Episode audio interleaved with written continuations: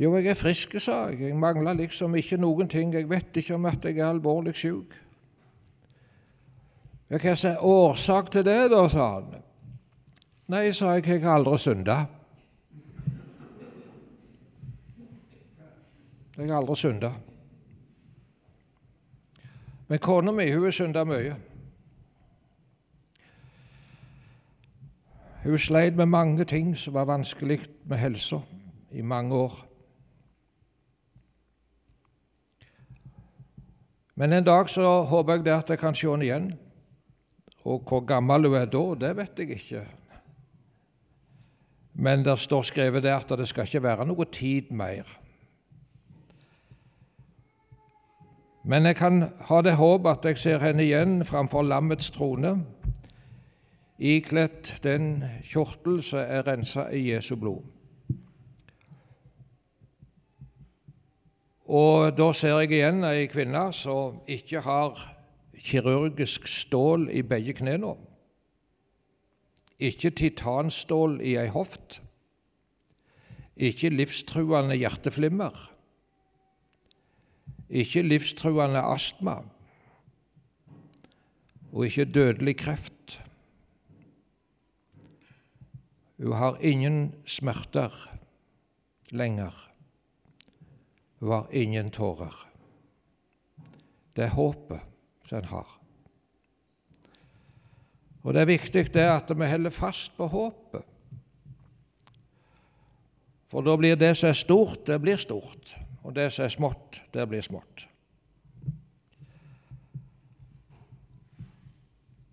Og selvsagt altså, tenkte jeg òg på det.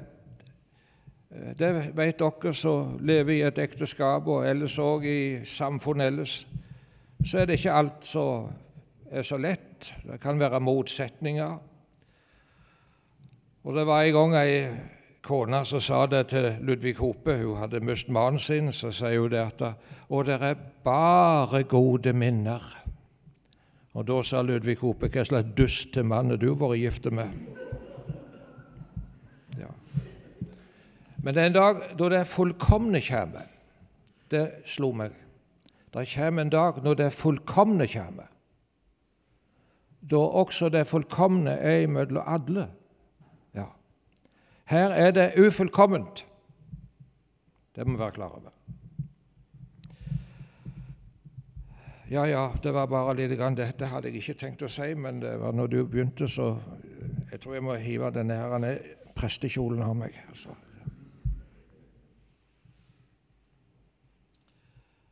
Teksten for dagen det er det som ble nevnt fra Lukas 8, men vi skal be først til Gud. Kjære trufaste himmelske Far, vi vil takke deg for denne fine anledning som du har gitt oss til å samles om ditt ord. Kunne du hjelpe oss å tro det som du vil vi skal tro, håpe det som du ville vi skal håpe, og leve slik som du ville vi skulle leve. Vi ber i ditt navn. Amen. I den tida som nå kom, drog Jesus omkring og forkynte i byer og landsbyer og bar fram den gode budskapen om Guds rike. Og de tolv var med han, og noen kvinner som hadde blitt lekte for vonde ånder og sykdommer. Det var Maria med tilnavnet Magdalena, som sju vonde ånder hadde fare ut av og Johanna, som var gift med Kutsa, en forvalter hos Herodes, og Susanna og mange andre. Med alt de åtte tjente de Jesus og de tolv. Av de som er nevnt her, så har jeg spesielt hug å si litt om Maria Magdalena. Eh, navnet hennes betyr i grunnen at hun var ifra en by eller en plass ved Genesaretsjøen som heter Magdala. Og derifra hadde hun fulgt Jesus rundt forbi sammen med disse andre. Hun må på et eller annet måte hatt et forferdelig vanskelig liv før hun møtte Jesus. Sju vonde ånder. Og hva det betyr, det vet jeg ikke, altså. Men det var sikkert noe som plagde henne veldig. Og vi vet det at i Jesu følge så ble det mange slags folk. Jeg husker en gang for mangfoldige år siden jeg var en tur i Jerusalem, der jeg eh, satt i en park. Det var tre, det var plener, det var grusganger. Og under trærne så satt det en del folk i skyggen. Og når jeg hadde vært der en stund, så oppdaget jeg også det at noen av dem hørte til på livets skyggeside. Jeg husker spesielt ei ung jente. Ja, hun var ikke helt så unge lenger. Men hun var preg av at hun hadde hatt et vakkert ansikt. Men nå var ansiktet herja av rus. Og var vel kanskje ei slik da som solgte seg litt billig til mannfolk.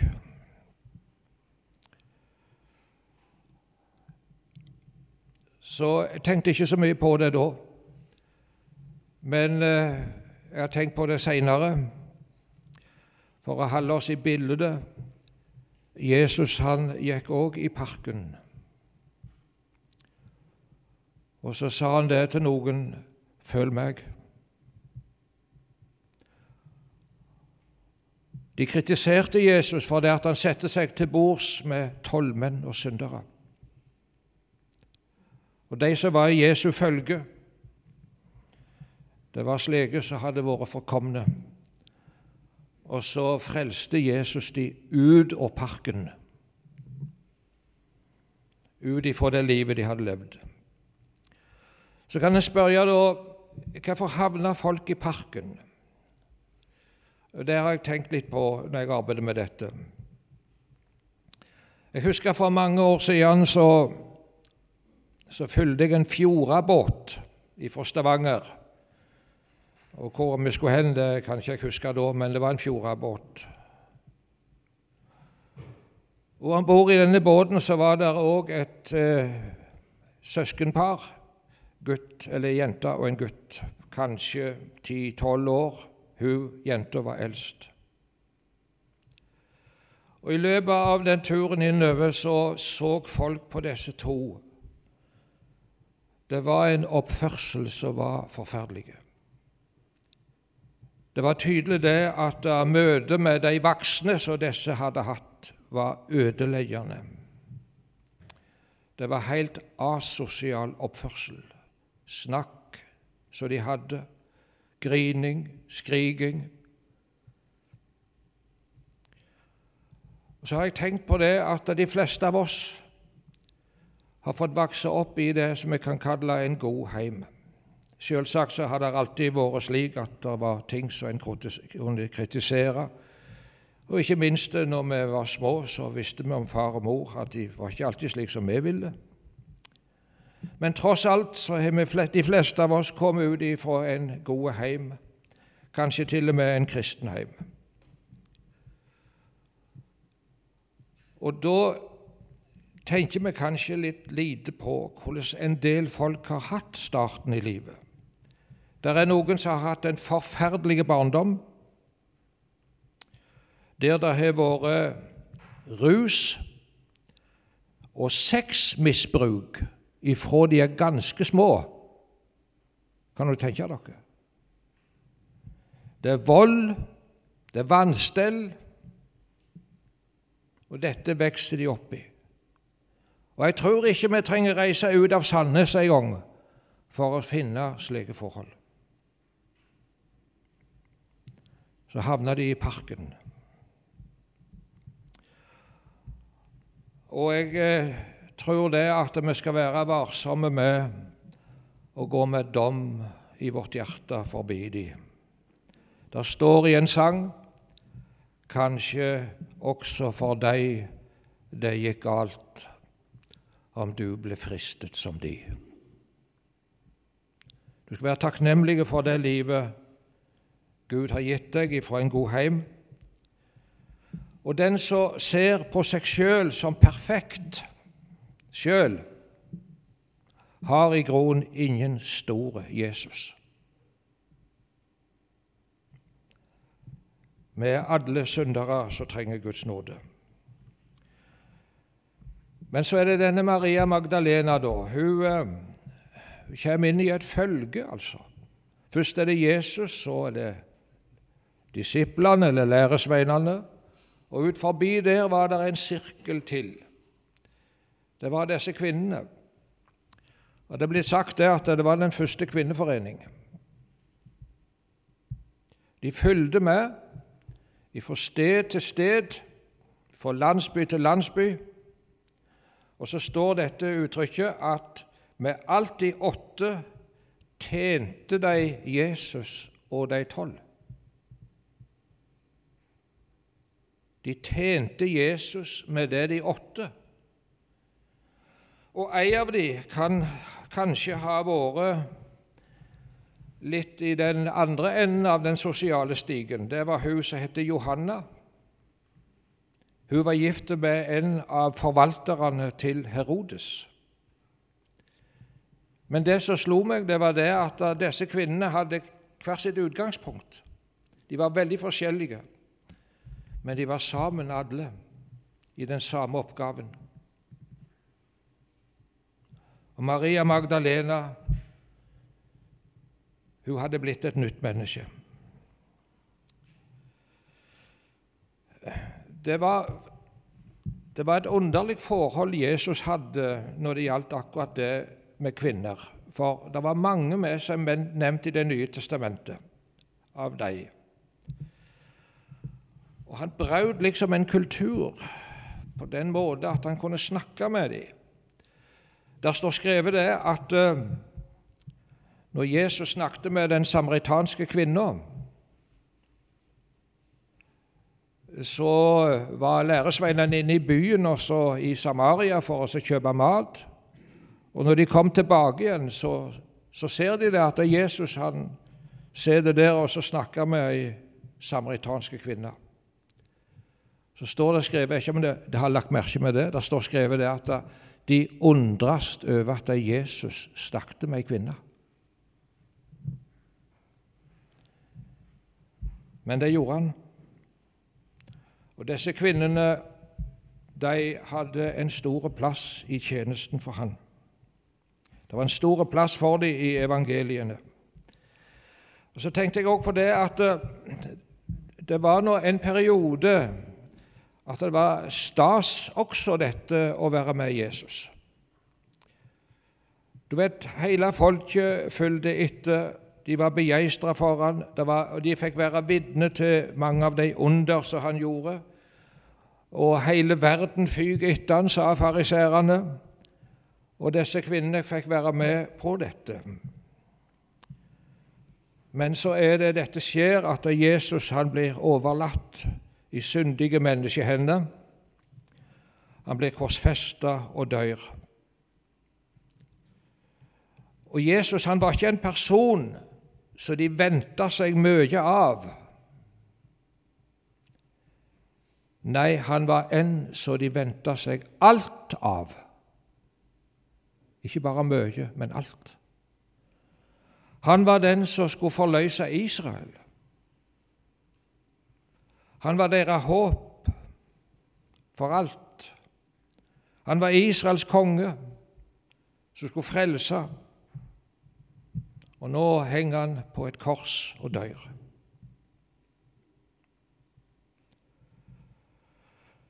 Det er to av Jesu venner som var venner mer i det skjulte.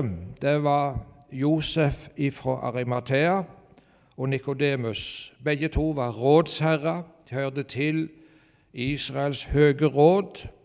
De hadde ikke vært med på denne vonde gjerning som var gjort. Og så bryter de ut av isolasjonen og fortielsen, og så går de til korset.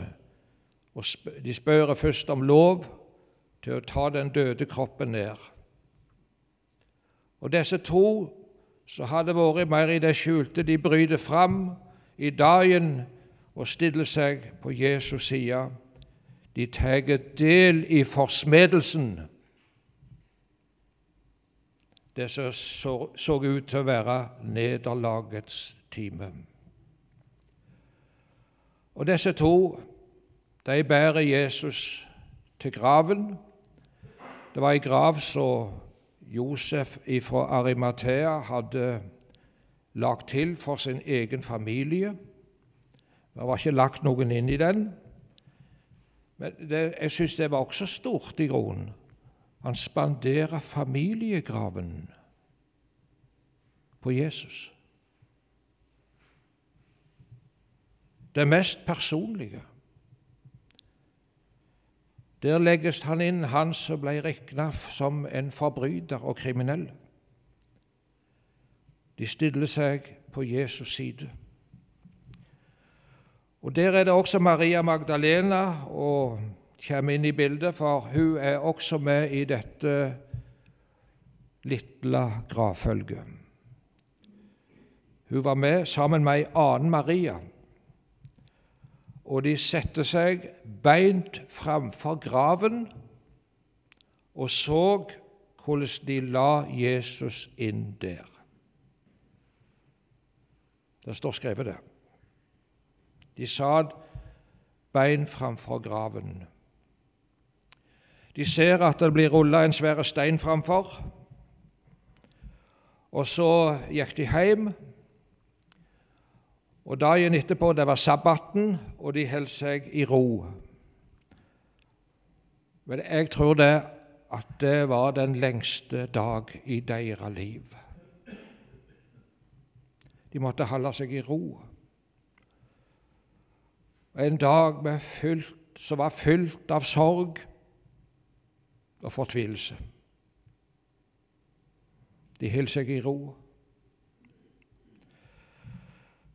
Så er det Maria Magdalena. De har ordna til noe slags salve og greier. Så går de til graven på første påskedag.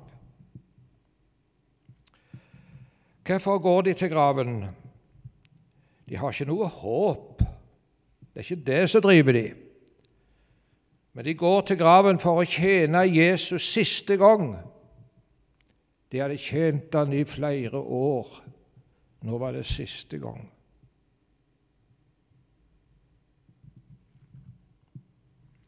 Det er i motgangen at troskapen syner seg.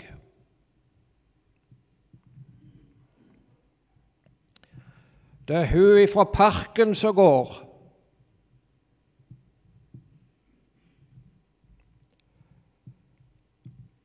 Og så får hun av alle oppleve den store ting at Kristus er oppstanden. Ja, hun får møte han sjøl. Hun sier så hjelpeløst til den mannen som står ut fra graven. Hun trodde det var gartneren. Er det du som har tatt han bort, så vil jeg gå og hente han og legge han tilbake der han var. Og han sier Maria. Og hun sier Rabuni. betyr mester.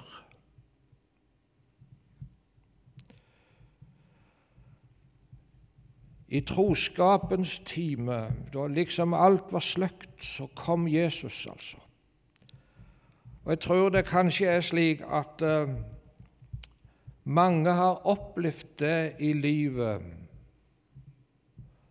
at når det var så tungt og mørkt alt, så kom Jesus med sin nåde, med sin ånd og med sitt trøstsord. Og Maria Magdalena hun sprang av gårde. Og Jeg husker en emissær vi hadde i Misjonssambandet. Han het Sponbukt. Kanskje du kjente han? Ja, Han var en humorist av de store, forresten òg. Eh, Maria Magdalena klarte noe som ingen andre har klart, sa han. Hun fikk fart på kristenheten. Ja, hun fikk fart på kristenheten. Og Peter og Johannes de springer til graven. Og så skal vi legge merke med det at uh, når det gjelder beretningen der om uh, Jesu oppstandelse, så er det skrevet litt forskjellig.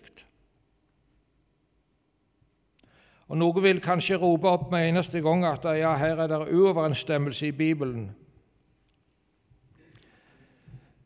Men en skal være klar over det at uh, hvis det hadde vært disiplene sin politikk, kan det være sagt, til å passe på at nå skal vi skrive akkurat likt alle sammen, da hadde det vært mer tvilsomt.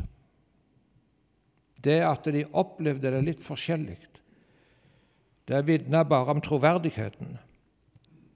Men det som alle av de vitner om, det var at Kristus er oppstanden. En ting, Jeg har et dikt også jeg skal lese. Jeg, jeg vet ikke når jeg skal ta det. Jeg skal si bare bitte litt til her, så skal jeg, kan jeg ha en liten pause eller synge litt, så kan jeg lese det. Det var under krigen i Norge så var det en påskeleir opp med Rødde det var Misjonsselskapet som hadde denne leiren. Og så skulle de en dag, var første påskedag, så skulle de gå eller reise til Leinstrand kirke på gudstjeneste. Av de som var på denne påskeleiren, så var det en misjonær som heter Rasin Kolnes. Kanskje noen av dere leser bøker av han. Det gjorde vi når vi var små. Den blå diamanten. Jeg vet ikke om de husker det, noen. Ja, ja. Og Rett etter meg der så var det en russerleir. Det var russiske fanger. Og av alle ting som skjedde under krigen av grusomhet, så var det der med de fangene fra Øst-Europa. Hvordan de ble behandla i Norge av tyskerne. Det var grufullt. Men det verste han nær sagt, det var det at når de kom hjem til, til Sovjet og ble sendt hjem etter frigjøringa kom, så sendte Stalin de rett til Sibir. Der døde mange av de. De ble regna som svikere, for de hadde blitt tatt til fange. Hva kunne de gjøre når hele kompanier og regimenter overga seg? Da, det, da, da det, denne flokken med, av leirdeltakere gikk forbi denne, denne fangeleiren, så var, det en, så var det Rasin Kolnes. Han gikk bort til en av de tyske vaktene, og så spurte han om han kunne få lov å synge en salme. Og tyskeren sa nei. Men da gikk Rasin Kolnes bort til gjerdet. Og så ropte han det han kunne, inn i leiren. Kristus er oppstanden. Da var det en stor russer som reiste seg igjen med en vegg, og så ropte han tilbake, ja, han er sannelig oppstanden. Der er du håpet, det vidunderlige håpet som vi har at liksom Jesu grav er tom, så skal vår grav en gang være tom. Og vi skal være alltid med Kristus. Og Maria Magdalena viser oss troskapens vei. Det var det som jeg hadde. Så hadde du en sang noe slikt, skal jeg lese litt til.